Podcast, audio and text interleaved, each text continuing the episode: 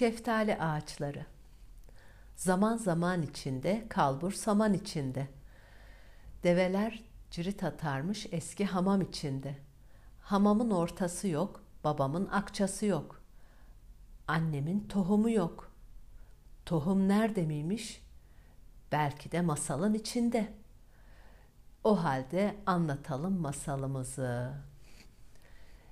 Bir bahçede yan yana dikilmiş iki şeftali ağacı varmış. Ağaçlardan biri gürbüz, diğeri zayıfmış. Gürbüz şeftali ağacının meyvesi bolmuş. Zayıf şeftali ağacının meyvesi azmış. Bir süre sonra gürbüz şeftali ağacı zayıf şeftali ağacına karşı kibirlenmeye başlamış. Evin sahibi zayıf şeftali ağacından umudunu kesmiş. Bu yok olup gidecek, kuruyacak. Boşuna emek vermemek lazım diye düşünüp zayıf şeftali ağacını su vermiyor, onunla uğraşmıyormuş. Ancak bir gün rüzgar esmiş, bahçeye bir tohum getirmiş. Tohum gürbüz şeftali ağacının altına düşmüş. Merhaba, toprağınıza tutunabilir miyim?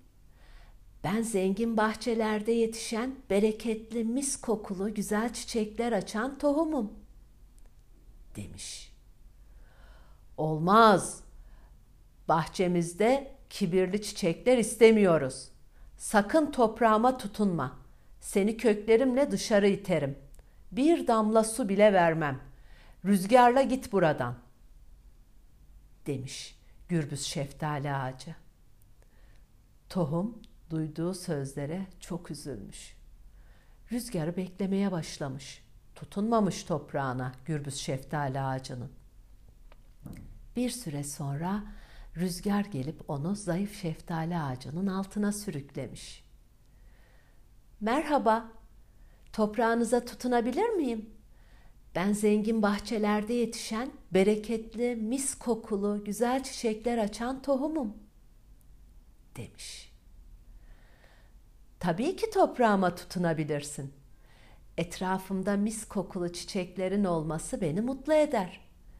Seni mutlu etmek için elimden gelen yardımı yaparım. Hem de arkadaş oluruz." demiş zayıf şeftali ağacı. Tohum çok duygulanmış, mutlu olmuş. Toprağa sıkıca tutunmuş. Bir süre sonra şeftali ağacının etrafını mis kokulu güzel çiçekler sarmış. Öyle güzel kokuyormuş ki çiçekler rengarenkmiş. Tabii ki çiçekler açınca bahçeye kelebekler, arılar, kuşlar da gelmeye başlamış. Çiçeklerin mis gibi kokusu civardaki evlerden de duyulmuş. İnsanlar merak edip araştırmış bu mis gibi kokular nereden geliyor diye. Ev sahibi bu ilgiden mutlu olmuş. Bütün çiçekler bahçeye yayılsın diye toprağa özel gübreler karıştırıyor, suluyormuş.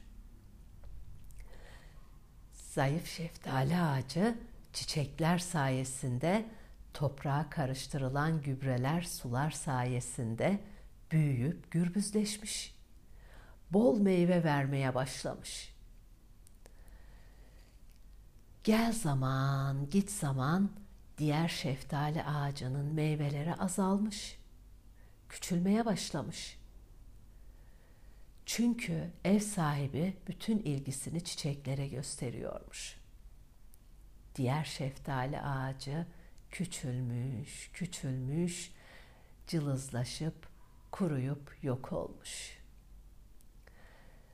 Önceleri zayıf olan, sonraları büyüyüp gürbüzleşen şeftali ağacı iyiliğinin ve cömertliğinin karşılığını almış.